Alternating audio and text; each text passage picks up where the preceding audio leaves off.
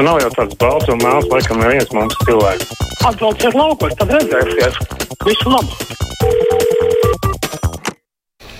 Telefona numurs kā parasti 6722, 888, otrs numurs 672, 559, rakstiet arī kā arī ierasts. Te man vēl reaģējot uz šo viesturus raksta ģimenes ārstiem ir par 1000, 2000 pacientu un vairāk, bet tā nedrīkst būt.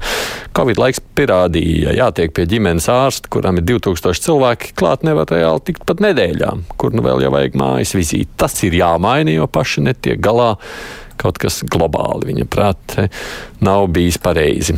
Halo! Jā, sveiki.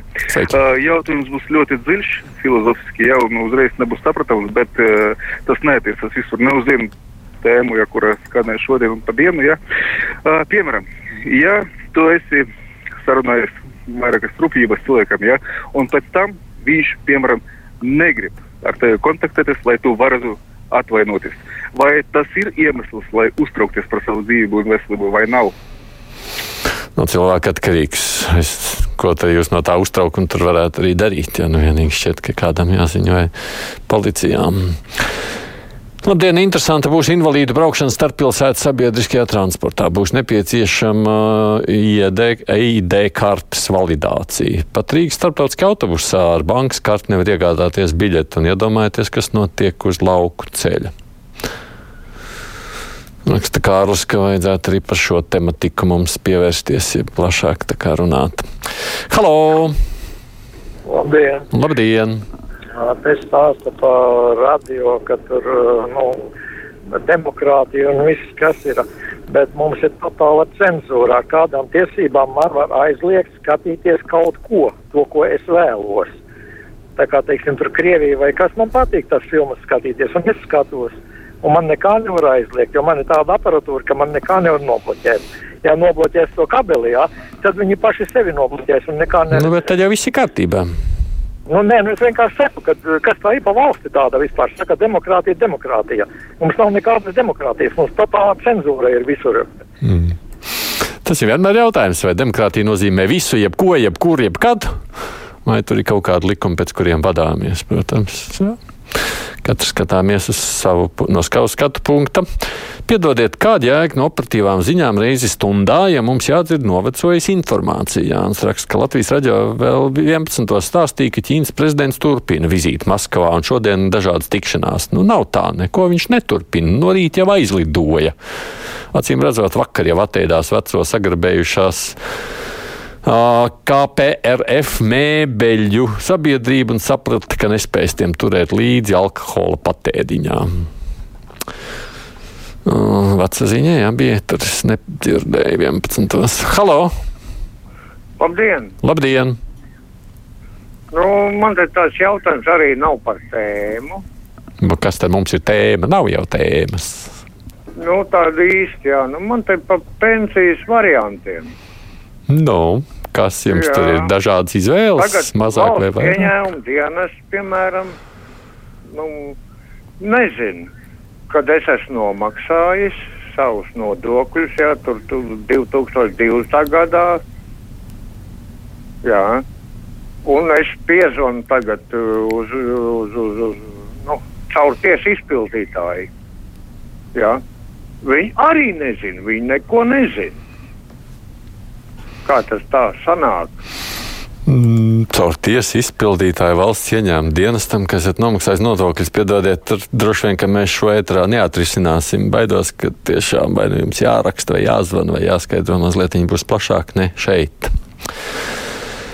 Aidi, kādiem politiskiem apskatniekiem vai blogeriem jūs sekojat tieši YouTube? Interesējās Roberto. Un kad tiks radīts Aida Thompsona YouTube kanāls? Vai zināt, ka YouTube maksā honorāru par populāriem raidījumiem? Kāda ir jums? Paldies, Roberto. Ticiet man, ar Latvijas auditoriju, kas ir latviešu valodā, neviens honorārs tur nopelnīt nevarēs. Esam pārāk mazi. Protams, ka ja strādātu vismaz krievu valodā vai angļu valodā, tad tas būtu citādi. Tā nu to jārēķinās. Bet īstenībā man, jā, es esmu labprātāk arī lietoju citus sociālos tīklus. Es lietoju, protams, arī YouTube, bet, bet labprātāk dzīvojos arī pa dažiem citiem sociāliem tīkliem, kuros var iegūt informāciju. Uh, halo! Labdien, Tomson! Labdien! Jautājums sekošais, es Gunārs no Rīgas. Vai jūs pats to izlēmāt, ja jums kāds pateica priekšā manu telefonu necelt augšā nemaz? Tā kā esat jau pacelts? Kas tā pacelt? Neaiziet, nemelojiet, kāpēc jūs nelaižat man ēterī? Esiet vienam sakot, ordeņa cienīgs virsnieks. Cienījamais kungs, kā lai es jums paskaidroju, ka jūs bijāt ēterī? Tikko bijāt pacelts. Un es vispār nezinu, nu, kas man zvana. Tos es paceļu. Vai tas ir reizēm interesanti? Katru dienu ar vienu pārliecinos, ka tas bija pareizs lēmums uzaicināt Tomu Grēviņu Latvijas radio viens. Tāds daudzpusīgs, profesionāls un gudrs raidījuma vadītājs. Redz, Tom dabūja komplimentu. Halo! Halo, labdien! Labdien! Mūsu saima pieņem likumu par savām algām, un, pēc tam, un to algu palielina, un pēc tam atsaucās uz to likumu, un viņa acīs es neredzu ne kripaciņu kaunu. Kā jūs uz to skatāties? Nu, tāpēc, ka tad arī nav kauns tādā ziņā. Nu, jā. es, ja jūs man jautājat, man personisko viedokli, es domāju, ka no ētiskā viedokļa tas ir ļoti dīvains stāsts, ka paliek pietiek sev, bet nepietiek citiem. Bet tajā pašā laikā, uh, nu, ja visu darītu samērīgi, tad jau droši vien nebūtu arī tādas cepšanās. Diemžēl tā tas ir sanācis. Sveicināti tam mīlētājam, kurš grib skatīties krievu melus. Demokrātija nenozīmē visatļautību, raksta mums Artūrs. Arī Agita izsakās, ka diemžēl šis uh, konkrētais regulārais zvanītājs Krievijas kanālos tālu neskatās tikai filmas un arī ilgstoši. Tāda reakcija. Halo! Uh, Brīvais mikrofons. Jā. Tikai tāda demokrātija ir kaut ko vērta, kura procēru aizsargāt. Un visstrakākie pilnīgas brīvības aizstāvji bija uh, Krievu bolšeiki līdz 17. gada revolūcijai. Pēc tam nākošā diena aizliedza visas buržāskās avīzes un mēnešu laikā aizliedza visas sociālistiskās. Mm, jā, tāda tā vēsture ir tajā brīdī. Nu, es gan pieļauju, ka šajā reizē klausītājs tā cerams nebija to domājis. Aidi, kā vērtēt, ka valsts subsidē tādas televīzijas pārraides, kur vadītāji nav profesionāli žurnālisti, bet vada politiskus raidījumus, piemēr, div, piemēram, TV24? Nu, valsts tādā ziņā, ka tie ir projekta raidījumi. Jautājums, vai vajag tikai un vienīgi atbalstīt sabiedrisko mediju? Nē, es uzskatu, ka valstī ir jāspēj arī atbalstīt komercmedijas, jo galu galā konkurence arī ir ļoti svarīga sastāvdaļa. Un īsnībā šajos laikos, ja kuram medijam ir grūti, un es domāju, savu vietu noteikti ir arī tiem. Halo! Labdien! Labdien! Man ir tāds uh, jautājums. Nu, kā? Tajā laikā, kad jūs pārgājāt uz jauno telefonu sistēmu, ja tur tagad pieņemot tos zvanus, ja, Jā. ir ļoti reti, kad vispār var sazvanīt. Saukties saucās, bet neviens neceļ ne uz vienu numuru, ne uz otru numuru. Tā, Nu, tā, sist, jā, jā, tā sistēma droši vien atšķirās no iepriekšējām, ka tajā laikā, kad bija vienkārši analogā sistēma, tad jūs zvanījāt, un, ja bija aizņemts, tad bija aizņemts, un jūs vienkārši nevarējāt sazvanīt. Šobrīd sazvanīt jūs varat, bet visticamāk, nu, cik es redzu, arī ir kādi 11 zvanītāji visu laiku zvana. Un ir skaidrs, ka es varu pacelt tikai vienu klausuli, un tāpēc jums ir sajūta, ka jūs zvanāt, bet neviens neceļ. Bet tur neko nevar darīt. Nu, tā tas ir uh, šajā brīdī. Nu, Ar to tā lielākā atšķirība ir. Kāriņam un pāriem simts vajag samazināt algas skolotāja labā. Tā mums ir ieraksts klausītājs Gvido par šo. Savukārt Roberts Pahomovs iesaka tam zvanītājam, kas grib demokrātiju, ja viņš skatās kanāls, kas ir aizliegts Latvijā, tas taču ir pirātisms. no, tas ir veids, kādā, protams, to dara. Nu, mums jau ir tehnisks iespējas, kā var apiet. Halo! Labdien! Labdien!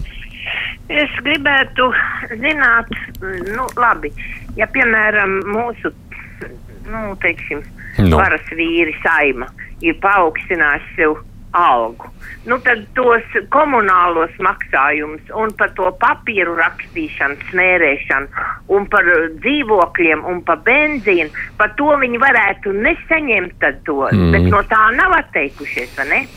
Nav, nav. Tās kompensācijas, kur bija, tur, protams, arī ir. Ai, raksts šodien veči vien zvana. Nē, redziet, nebija tikai veči vien. Tā, ja mediji pāriet uz cenzēšanu un neskaidrojot iemeslu, tad nodokļu maksātāji visas sabiedrības naudu jāņem nost. Rakstā Arnolds. Atkal atgriežamies pie jautājuma, ko jūs saprotat ar vārdu cenzēšana. Halo! Halo! Kamēr es cēlu klausuli, tikmēr pats pazuda. Halo! Jā, labdien! Labdien! Šodien bija raidījums par, par nodokļiem. Un, un, un kad ir, kad nodokļi pāriet no bērniem uz bērnu, uz mazbērniem un tā tālāk. Bet cik es, ja es pareizi saprotu, vecai derībā bija 50. gads bija, no visiem nodokļiem parādiem atbrīvoja. Varētu mūsēji arī kaut ko tādu. Bet, bet 50 gadus baigi ilgi jāgaida. Ne? Jā, bet tur bija, ka vispār nojūgums nav. Vispār Jā, nebija nojūgums. No 50 gadus, jā, tur vergus palaida brīvībā pēc 50 gadiem. Cerams, ka šis nebūs nekad aktuāli pie mums. Varbūt risinājums ir divi klausītāji vienlaikus. Jūs taču sen jau raidāt stereo. Iesaka Ivars, vairāk sakot, ka varēs piezvanīt mums uz Latvijas radio. Halo! Labdien! Labdien! E, man ir tāds jautājums. Pārdaugavā satiksmes ielā ir, ir eiro aptieka, kur strādā ļoti jauka farmaceite vārdā Santa. Mm. Vienmēr laipna pastāsta, iesaka, sīki izskaidro par zāļu lietošanu, gribu publisku lielu, lielu paldies viņai, mm. Santai. Santai, nu redziet, paldies farmaceitei Santai. Viņam ļoti patīkam vienmēr ir tajā brīdī, kad jūs aiziet uz kādu, jebkuru iestādi un kad jūs apkalpo laipni. Un tad un tā sajūta ir pašiem priecīga, un es domāju, ka arī atpakaļ viņi dabūna no klientiem to pašu. Tik tā, es te mēģinu lasīt, tik tika izveidotas tāfas, kā oāzītes, kas ir tāfas. Atpūtas, tā ir uzrakstīts, ka es nevarēšu izlasīt ar kļūdām ļoti daudz. Kas tā ir par demokrātisko valsti? Tas pats štata zvanītājs, kurš laikam arī gribēja svinēt padomju armijas dienu Latvijā. Te viens klausītājs atceras. Nu, ko mēs katrs, katram ir savs viedoklis. Jā, nu, šim kungam tā šķiet jums citādi, bet nu, neaizvainosim viens otru tāpēc. Paldies visiem, kas rakstījāt, zvanījāt. Pēc ziņām par filantropiju runāsim.